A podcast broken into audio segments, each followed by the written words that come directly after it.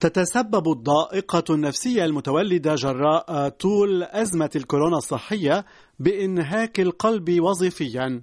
فمتلازمة القلب المنكسر Broken Heart Syndrome التي اكتشفت عام 1990 من قبل الأطباء اليابانيين تحصل جراء مرارة أسى فراق الحبيب أو وفاة الصديق أو أحد الأقرباء.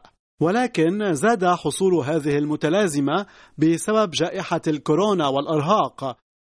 بالاستناد إلى دراسة علمية منشورة في مجلة Heart Rhythm بتاريخ الثالث من حزيران يونيو من عام 2019 تعتبر أدوية ال beta blockers من العلاجات المناسبة لاستدراك مشاكل أعراض خفقان القلب المتصلة بالإرهاق النفسي ال stress معي في مقابلة اليوم البروفيسور مروان رفعت الاختصاصي في أمراض القلب والأوعية الدموية وكهرباء القلب في المركز الطبي في الجامعة الأمريكية في بيروت البروفيسور مروان رفعت لماذا أدوية ال beta blockers تلعب دورا فعالا في تقليص عدد نوبات خفقان القلب المتصلة بالإرهاق النفسي؟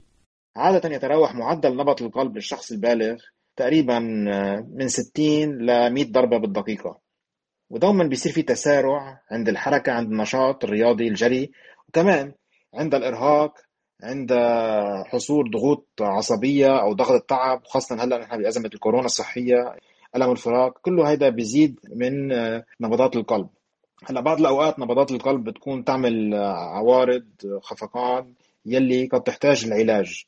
أدوية ال beta blockers بتساعد لأنه بتساهم بإبطاء ضربات القلب وبتقلل من ضغط الدم وكمان حاصرات البيتا تساعد كمان بتوسيع الأوردة والشرايين وأكيد بتساعد بتخفيف نوبات الخفقان القلب يلي تزعج المريض بروفيسور مروان رفعت متى تكون نوبات خفقان القلب المتصلة بالإرهاق النفسي عابرة وغير مخيفة؟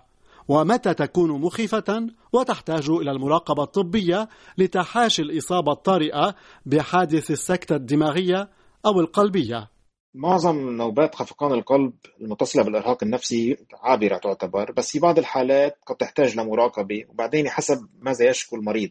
يعني في أنواع تسارع بضربات القلب قد يشكو المريض من دوار قوي من قلة بالتركيز قلة بالنشاط قد يؤدي إلى الإغماء بعض المرضى يغمى عليهم. بعض الحالات الخفقان قد تؤدي إلى قصور بوصول الدم إلى الرأس وهيدي قد تحتاج للعلاج. بعض الحالات قد نعالج الحالة بالقسطرة كهربائية catheter ablation اللي هي فعالة حسب نوع الخفقان قد تعالج هالمشكلة. وبعض المرضى إذا عندهم تسارع من البطين أو حالة المريض بتزيد نسبة الوفاة قد نحتاج نزرع أجهزة بسموها defibrillator يعني أجهزة مع شاحن لمنع الموت المفاجئ.